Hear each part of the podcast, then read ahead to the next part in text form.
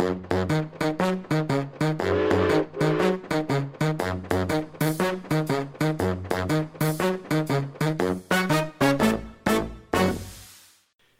ønsker jeg alle lytterne hjertelig velkommen til en, eh, nok en episode i eh, podkasten Ekspedert, som vi sender fra Narvik museum. Vi eh, har omtalt et eh, lokomotiv som vi kaller for EL12 tidligere, det vi fikk flytta opp til Plæna som står, og står utafor museet. Eh, I dag har vi invitert han Mats Skoland for å prate litt mer teknikk og detaljer rundt de her svære maskinene. Velkommen til oss, Mats. Jo, takk for det. Du eh, er man kan si du er en relativt ung mann, men har hatt ei eh, glødende interesse for eh, jernbanemateriell ganske lenge. Eh, jo da, har nå vært Hadde som en interesse, kan du si, siden jeg var liten, egentlig. Større eller mindre grad. Med modelltog og den slags, eller gikk du rett om bord i de store, kraftige malmtogene? Nei, det begynte vel egentlig med at eh, farmora mi gikk tur med meg ned på jernbanestasjonen når jeg var ett til to år gammel. Og vi drev og så på, på togene og lokomotivene som var på stasjonen. Og så eh, har det jo vært litt eh, ja, modelljernbane opp igjennom, men eh, det er jo noen, noen år siden jeg holdt på med det nå, da. Jeg kjenner deg kanskje mer som friluftsmann og fjellinteresse med jakt og fiske og turer og sånt. Hytte på Bjørnfjellet, er det noe som du er vokst opp med? Ja, i 95 så fikk vi hytte på Bjørnfjell. Og eh, den ligger jo fint til i forhold til jernbanesporet, da. Så der har du full oversikt over eh, alt som beveger seg opp og ned på, på Ofotbanen. Så du har fått med deg en del materiell som har uh, tøffa forbi eh, stuevinduet på hytta? Ja da, det har jeg ligget og, og fulgt med på togene i, i mange, mange år, holdt jeg på å si. Eh, Når de eh, kom eh, deg i huet at du skulle eh, få deg jobb som lokfører, som du nå er hovedsakelig? Nei, når jeg var yngre, så var det jo på en måte en, eh, en slags guttedrøm å bli lokfører. Og eh, på et tidspunkt eh, når jeg gikk på ungdomsskolen, så undersøkte jeg litt hvordan utdanningsforløpet og mulighetene for å bli lokfører var. Og den gangen så var jo det ensbetydende med at du måtte til Oslo og gå skole hos NSB, da, og egentlig belage deg på ei, ganske mange år i Oslo som eh, fører, før du kunne eventuelt søke deg andreplass i landet. Så eh, det var ikke så veldig interessant for meg, så da slo jeg det egentlig fra meg på det, det tidspunktet. Hva er det med tog og eh, det å få kjøre tog? Hvorfor er det en sånn lekker arbeidsplass? Hva er det som drar en mann i, i, i den yrkesretninga? Nei, for min del så, eh, så er det jo, det er jo Norges beste kontorutsikt. Å få kjøre, få kjøre tog her, spesielt over høyfjellet og over eh, Ja, altså fra, fra sjøen og gjennom skogen og oppover fjellet. I, eh, til alle årstider, alle mulige værtyper. Alt fra midnattssol på sommeren til full snøstorm på, på vinteren. Det er, jo, det er jo det som jeg syns er mest fascinerende. Og så eh, i tillegg til de her eh, imponerende maskinene da, som, som vi sitter og kjører. Det er svære greier. Ja, det er jo det. Eh, Jeg jobber jo for LKAB nå, da, som, som lokfører og instruktør. Og det sies nå at de lokene vi kjører, er verdens kraftigste lok. Det tross alt. Og det er definitivt de tyngste togene som går i Europa. Så Ja, det er jo, det, ja. det er jo svære greier. Og elektrisk drevet. Det er elektrisk drevet, ja. Vi skal komme litt inn på eh, både maskineri og tekniske detaljer. Men sånn som vi ofte gjør det her i podkasten Ekspedert, så har vi han Trond Blomli også med oss i studio. God dag og velkommen, Trond. Tusen takk. Eh, Du har vel kanskje hyra meg inn for å stille sånne inkvisitoriske spørsmål om eh, oppbygging av lokomotiv og tekniske ting. Så det, jeg vil tro at han Mats er mye bedre enn meg på de her eh, tekniske tingene. Eh, og eh, egentlig, nå skulle vi ha putta inn en av de her låtene til Groms plass. Den som heter 'Tunge tog og tøffe lokførere'. For eh, det er jo nettopp det som er temaet for denne podkasten. At eh, det svinger litt av å være lokfører på Ofotbanen.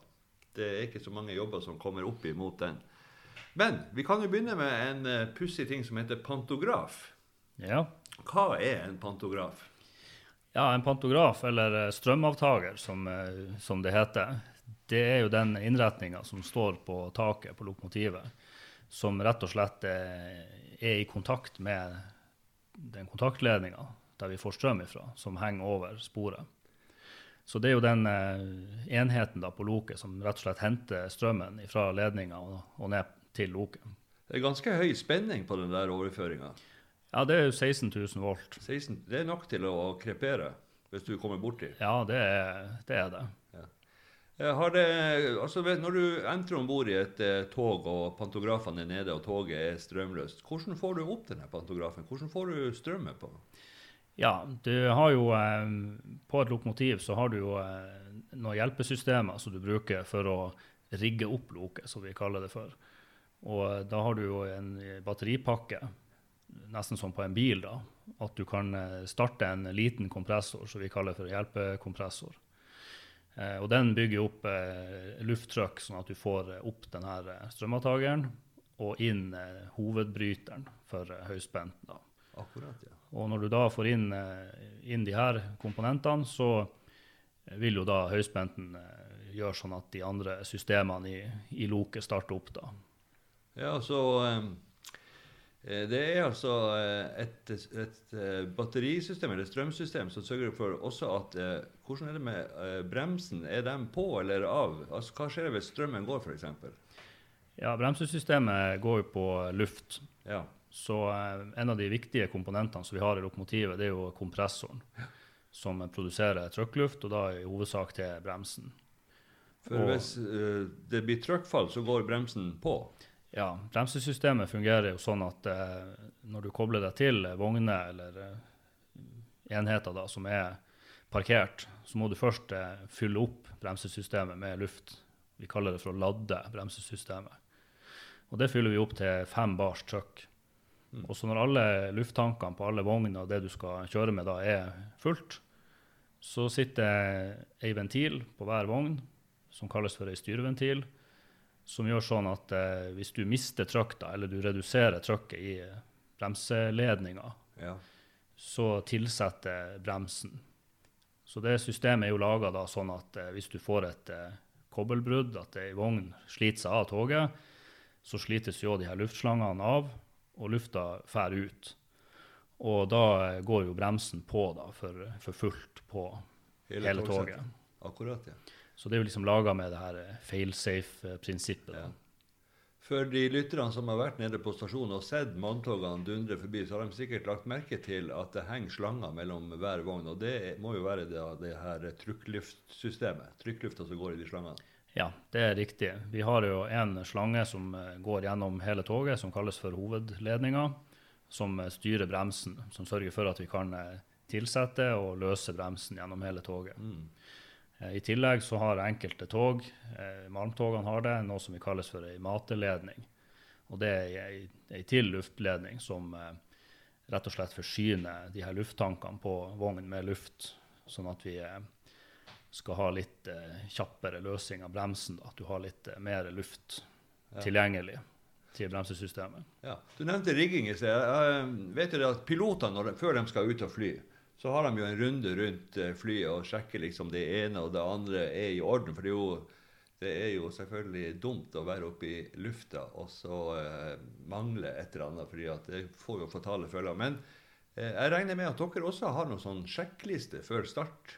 Ja, det har vi. Vi har noe som vi kaller for et uttak av eh, lokomotivet.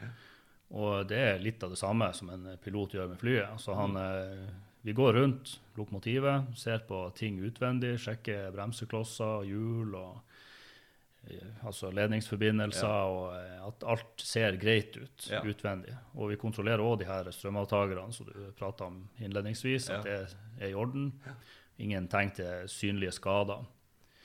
Eh, og så har vi òg en del sjekker av de her systemene om bord på, på lokomotivet som, eh, som vi utfører før vi kan kjøre. Eh, og det er jo blant annet, det er jo nevnt bremse her, og det er jo eh, viktig. Vi kontrollerer alltid at bremsen fungerer før vi kjører. Eh, og vi har jo òg eh, det som kanskje folk har hørt som kalles for eh, dødmannspedal. Eller, eh, altså vi har en, en pedal som du må holde nede når du kjører. Så hvis du svimer av og løfter føttene eller ramler av stolen, da, så skvetter denne pedalen opp. Og Ja. hva skjer da? Ja, da får du først en, eh, en alarm, da. Og hvis du ikke kvitterer på den pedalen innen noen sekunder, så, så får du nødbrems, da. Og da går bremsen på for fullt i hele toget.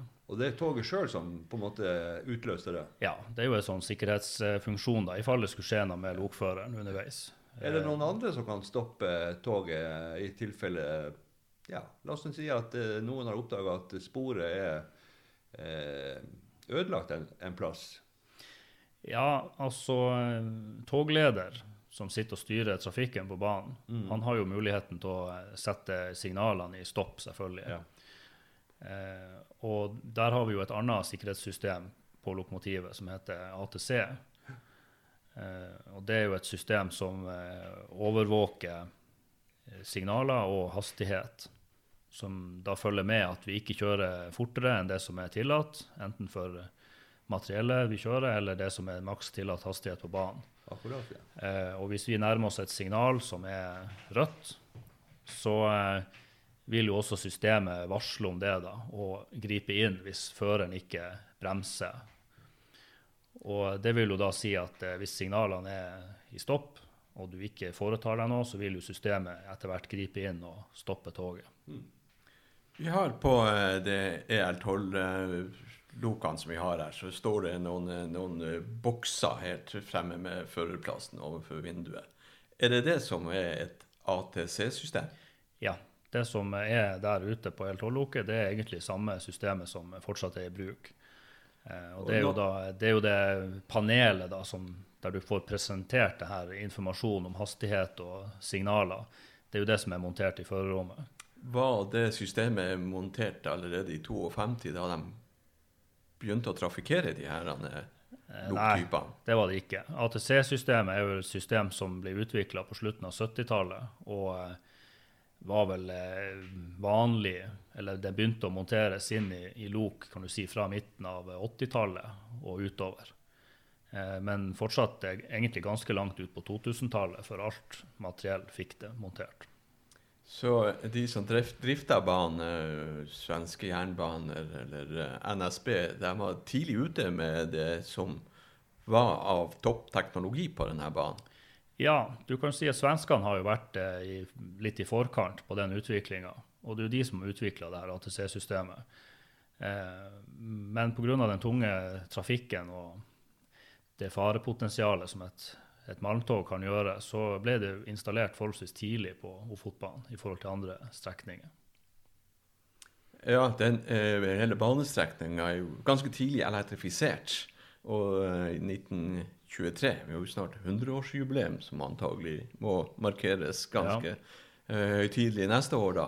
Eh, de her eh, loktypene kom eh, på begynnelsen av 1950-tallet og skulle ta eh, unna all den økte malmeksporten, eller produksjonen og eksporten av eh, malm. Den stigninga som man står i, i markedet.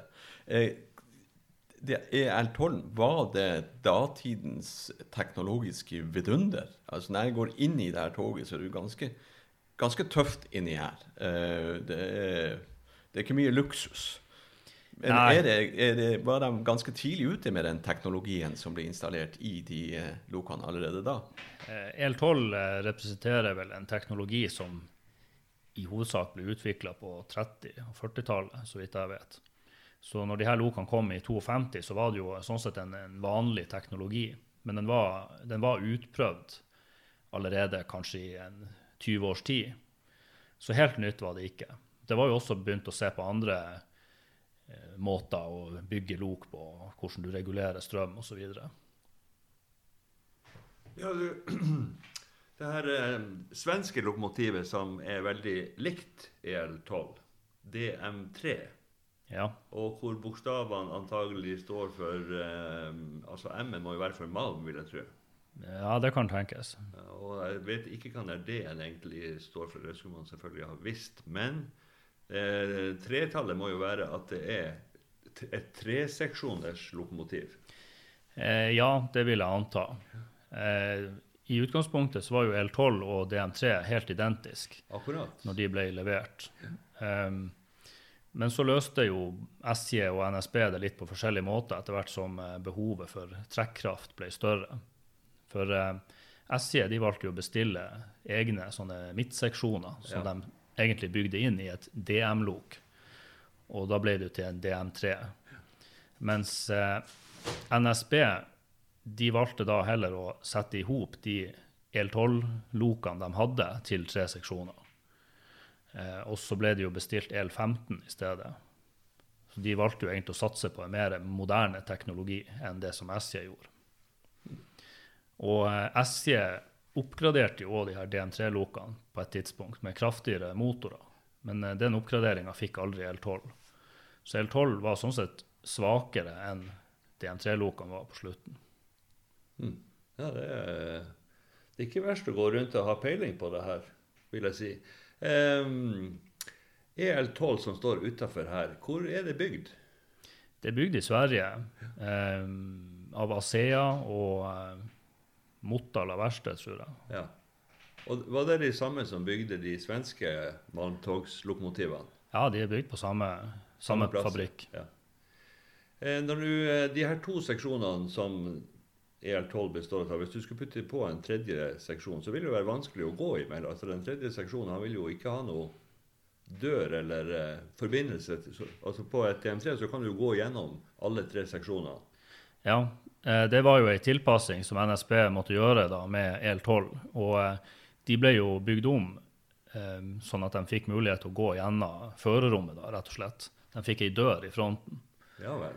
og sånne her overgangslemmer, sånn at du kunne gå gjennom hele, hele det loket da, når alle enhetene var kobla i hop. Ja, og Hvorfor er det viktig at du skal ha en gjennomgang gjennom hele toget, så å si? Nei, i dag er jo ikke det egentlig så viktig, men eh, den gangen så, så var det vanlig at de hadde mer sånn her eh, tilsyn videre med lokene, også under drift. De var jo to mann på loket, de hadde jo en fører og en førerassistent. Og da hadde jo ofte han, assistenten en, eh, en, en plikt da, til å, å visitere maskineriet, da. Kanskje smøre en og annen smørenippel, eller Ja, eller det, det skulle liksom holdes tilsyn med, med maskineriet da, i, i drift. Det var nok sikkert noe som hang igjen fra damptida, at det var mer, eh, det var mer vedlikehold og mer ettersyn. Eh, Men det, det ble jo egentlig mer og mer slutt på det. For at det, det kan jo være fare å oppholde seg i et sånt maskinrom eh, når loket kjører. da. Og det var mange som ikke syntes noe om det, å, å være baki der. Så i dag så, så kjører vi jo ofte flere lok kobla i lag, og det er ikke noe mulighet til å gå gjennom fra det ene loket til det andre. Så det er ikke noe som er sånn sett nødvendig, egentlig. Nei. Men det var vel mer, mer det som var vanlig i den tida, da. Du gikk jo jernbaneskole, den nye jernbaneskolen, det første kullet i 2005. Ja. Eh, men du har jo vært borti utrolig mange forskjellige lokomotivtyper gjennom din karriere så langt. Ja, eh, jeg jobba jo for et, eh, et Narvik-firma som heter Ofotbane S, når jeg gikk på, på jernbaneskolen. Og eh, de hadde jo overtatt en del materiell som var utfasa fra NSB. Så sånn sett så kom jeg jo borti en, en del eldre materiell som kanskje jeg normalt sett ikke ville ha vært borti. Ja, både elektriske og kanskje dieselelektriske. Ja, de hadde jo eh, EL13-lok og eh, DI3 diesellokomotiv og BM68 motorvogner. Ja. Det her EL13, er det, det, det må være en, en lettere altså Det er ikke så kraftig som EL12. Nei, det er det ikke. Det er jo også en helt annen type lok, da. Men de er jo òg bygd på 50-tallet. Så de er jo bygd i samme tida. Men eh, Men for andre oppgaver, kanskje. ja, altså persontog og lettere godstog. Ja. Men eh, sånn sett så tilhører jo egentlig L13 en mye mer moderne teknikk, da, eller måte å bygge lop på, enn L12. Ja. Og de andre lokomotivtypene som fantes på Ofotbanen, eller OBA, som mange kaller det. Eh, ja, altså vi- DI3 f.eks. DI3 er jo òg bygd på eh, 50- og 60-tallet. som et dieselelektrisk Ja. lok. Det er jo en eh, amerikansk konstruksjon. Fikk du testa ut hvordan det er å kjøre det? Ja da, jeg fikk jo eh, kjørt det en god del på, på Nordlandsbanen og over til Østersund og egentlig mange strekninger rundt omkring i, i Norge. Og du, eh, når var det du kjørte de her gamle svenske DM3-lokomotivene? Eh, det kjørte jeg jo først eh, egentlig når jeg gikk på jernbaneskolen i 2005. Da hadde jeg praksis her i Narvik På Ofotbanen? på Ofotbanen. Og da gikk det jo veldig mye av de lokene. Eh, De nye jordelokene var jo begynt å komme i trafikk, de òg, men det var jo i hovedsak DM3 som gikk da. Når jeg begynte å jobbe for LKAB i 2012, så fikk jeg jo kurs på DM3. Da var de på vei ut, men de var fortsatt i drift. Mm.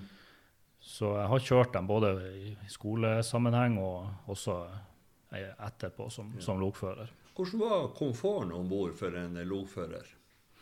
Det er jo klart at uh, denne type lok som DM3 og L12 de er jo eh, en, en stiv konstruksjon med koppelstenger som driver hjulene. Og det er mye ubalansert masse kan man si, som er i bevegelse. Og det gjør jo at de lokene har jo en ganske sånn her eh, hoppete gange. da. Det er mye bevegelse i, i maskinen, og den er stiv. Og går egentlig ikke så veldig fint på sporet i forhold til andre konstruksjoner. Så det vil si at hvordan man starter et togsett, og hvordan man stopper et togsett, da kan man på en måte skjelne mellom veldig erfarne og mindre erfarne lokførere. Ja, det er jo eh, Det blir jo litt som å kjøre maskiner eller å kjøre bil. Altså, Det er jo forskjell på, på sjåførene. Ja, du lærer liksom Og, den her bedre og bedre. Ja, altså noen Noen er jo utrolig flinke å kjøre. og Kjører veldig smidig og ja, nærmest som du har et nattog, kan du si, med folk som ligger og sover baki. At du, du kjører veldig, veldig komfortabelt. Ja. Mens andre er jo mer brå i bevegelsene. Og enkelte lærer seg jo det å kjøre fint, og, og noen lærer det aldri. Si. Og de her eh, ultramoderne nye jordlokomotivene, det er på en måte Porsche-utgaven av malmtog. Ja, eh, det er jo en, eh, en moderne lokkonstruksjon, selv om de eldste nå har rukket å bli 20 år allerede. Men det tilhører Det er jo på en måte sånn lokomotiv bygges i dag, da. Mm. Og det er jo et lok som er spesialbygd for formålet, da. Og det er jo spesifisert for å, for å gå i denne trafikken. Mm. Og de fungerer jo veldig bra. De er veldig komfortable å kjøre og utrolig sterke. Hvorfor er det førerhytte i begge endene av EL12? Eh, ja, det er jo eh, på en måte førerhytte i ei førerhytte på hver seksjon, da. Ja. Og det er jo selvfølgelig fordi at eh, når du på en måte kommer til frem til sluttstasjonen, da, Ja. så snur vi jo ikke lokomotivet. Da kjører vi jo loket andre veien, og derfor har du ei førerhytte i hver ende. Og da er vi inne på en annen liten finurlighet med jernbanedrift, nemlig hvordan snur du et tog? Det er jo I utgangspunktet står det jo fast på et spor. Du har jo vært med å flytte et lokomotiv, Jon. Var det en veldig enkel eh, operasjon å flytte et lokomotiv? Jeg tror ikke det var en flytteprosess som eh, er på pensum i, på jernbaneskolen. Det- Det var rett og slett gjort med store kraner og store, store biler med svære vogner på. Så det var jo fascinerende å se på eh, den flyttinga der. Men, men eh, vi har snakka om jordetogene nå som går nå. Eh, de overtok jo eh, etter det ER12 og DM3. Er det snakk om å, eh, utviklinga og kapasiteten uh, for uh, ja, mannproduksjon og utskipninga der Uh, Kommer jordetogene til å bli skifta ut? Er det noen planer om det? Ja, altså det, det er jo noen prosjekter som, som er i gang med å se på fremtidens uh, malmtogslokomotiver. Det som gjøres på litt kortere sikt, det er jo dels at det ble bestilt flere jordelok. Så de nyeste seksjonene de er jo levert i 2014, så de er jo forholdsvis nye.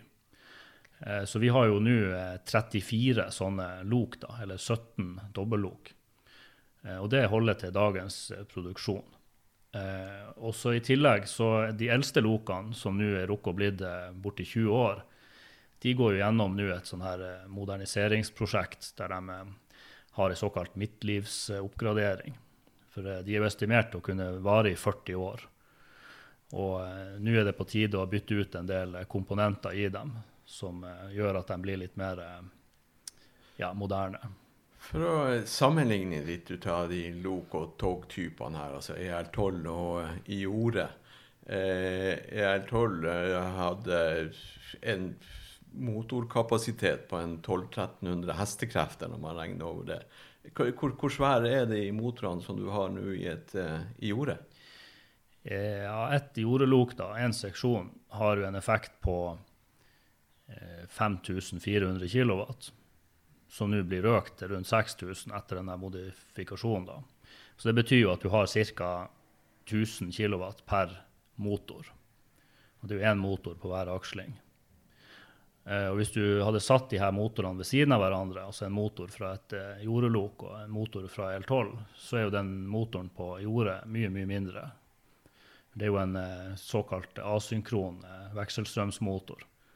Mens de her eh, motorene som står i L12, er jo en, en litt annen konstruksjon. Det eh, sies det at eh, togene genereres i egen kraft på, på bremsene på turen her fra grensen og til Narvik, som de kan bruke til å eh, forsyne seg sjøl med strøm på turen tilbake igjen til Kiruna. Når de kom den eh, teknologien inn i, eh, i jernbanetrafikken, vet du det? Ja, den teknologien kom jo egentlig veldig tidlig. For at uh, de første norske elektriske vanntogslokene, L3 og L4, uh, som ble levert i 25, de hadde den eh, teknologien som gjorde at de kunne bremse med motorene og levere tilbake strøm til uh, nettet. Men eh, de hadde problemer med at eh, de klarte ikke å regulere det der godt nok. Sånn at de hadde problemer med at spenninga på kontaktledninga ble for stor. Så derfor, eh, så vidt jeg vet, så ble det der, eh, det der utstyret ble fjerna fra lokene etter ei stund. da. Og så ble det lagt litt på is. De L12-lokene har ikke den utrustninga. Og det kan tenkes at det der egentlig er samme loket som en DM, og at svenskene kanskje ikke hadde de lange fallene der de hadde behov i like stor grad til å kunne utnytte den teknologien. Nå er det vel sånn at eh, på vei ned til byen så lager du like mye strøm som du trenger for å komme deg opp fra byen. Ja, altså hvis vi har optimale forhold, så kan vi produsere rundt 9 megawatt med et sånt malmtog på vei ned. Hmm. Og det sies at eh, det er nok til å drive et tomt malmtog og et persontog oppover. Det er ikke verst. Men Så det- ideen var jo veldig gammel. Altså, allerede før krigen så, så tenkte de ut at det må være mulig å utnytte denne her eh, energien til et eller annet. Ja, for altså en, eh, en elektrisk motor og en generator er jo i prinsippet likt bygd opp. Mm. Sånn at hvis du har en elektrisk motor, så kan du i utgangspunktet også styre den som en generator og få den til å levere strøm i stedet. Så, Så det er jo- hjul som går rundt. Det er jo liksom grunnprinsippet, da, eller grunntanken. Eh, Ja. Men da er det jo da det med å, å regulere det, da, som de ikke hadde. Nei, de, hadde, de klarte ikke å, de takle den, at det kom plutselig spenning inn eh, på, på et nett hvor de så var antagelig for stive til å liksom ta imot. Ja, så det, det sies jo at eh, alt av sånne her bygninger og stasjoner og ting oppover langs banen, de henter jo strøm fra kontaktledninger via transformatorer. Og det var jo i all hovedsak til lys, altså lyspærer. Og det er klart, når spenninga skal være 15 000-16 000 volt, og så stiger den plutselig til en eh, ja, 18 000-19 000, så får jo det òg konsekvenser for de her eh, lyspærene som går på 230 volt. Da ryker de. De ryker. Det, så det var en del sånne problemer da de hadde i den tida der. Ja. Jeg vet jo det at når vi bodde på, på Katrat, så, og når togene tok løs fra Katrat, altså når han dro på lokføreren for å komme seg videre oppover, så sank jo spenninga overalt. Ja. Så da, eh, så da ble det jo sånn fra vanlig lys til litt sånn dunkelt i kjøkkenet. ja, du kan si at du merker det nok, det. ja. Eh, De har sett de her trailersjåførene. De eh, har jo både seng og mikrobølgeovn og tekjøkken, og de klarer seg veldig godt når de blir stående fast. Men hvordan er fasilitetene på de malmtogslokomotivene? Ja, vi har jo eh, kjøleskap og kokeplate, og eh, også toalett på de jordelokene våre. Ja, Det var det vel aldri snakk om i gamle dager, på EL12 f.eks.? Nei, kokeplate har de nok hatt ganske lenge. Den har nok hengt med i mange, mange år. Men eh, det ligger vel an til at den kanskje blir bytta ut med en eh, mikro, eller at vi får en mikro i tillegg til den. Riktig. Og så, eh, Før vi runder av, så må vi ikke glemme at eh, sommeren 2022 så skal det skje noe ganske spesielt. Og det vet du sikkert litt om, Mats? Ja, det er jo den helga i månedsskiftet der i juni-juli. Så kommer Jernbanemuseet i Sverige opp til Kiruna med to varmtogslok. Det ene er et damplok som har gått her på, på svensk side, på Malmbanen. Og det skal trekke malmtog fra eh, Abisko til Vassjøret på 1400 tonn. Eh, og det andre er jo en DM3 som kommer opp her. Det er jo et lok som ble gitt i gave til Jernbanemuseet fra LKAB. Og det skal trekke et, eh, et malmtog på 5200 tonn fra Kiruna til Vassjøret. Som i gamle dager. Som i gamle dager. Og det her blir vel siste sjanse for alle de som er interessert i lokomotiv og tog og Ofotbanen og Malm, til å se damplokomotivet, altså et gammelt malmtogsdamplokomotiv og et eh, DM3 i sving på Ofotbanen. Ja, man skal jo aldri si aldri, men eh, det som er i ferd med å skje nå, det er jo at de her eh, signalsystemene som finnes i Norge og Sverige, skal jo byttes ut med noe nytt som heter ERTMS, ERTMS, som er en europeisk standard. Og det er forholdsvis kostbare greier og omfattende å bygge det om, da. Og de her gamle lokomotivene, og da spesielt eh, damplok, de vil jo ikke få det her systemet.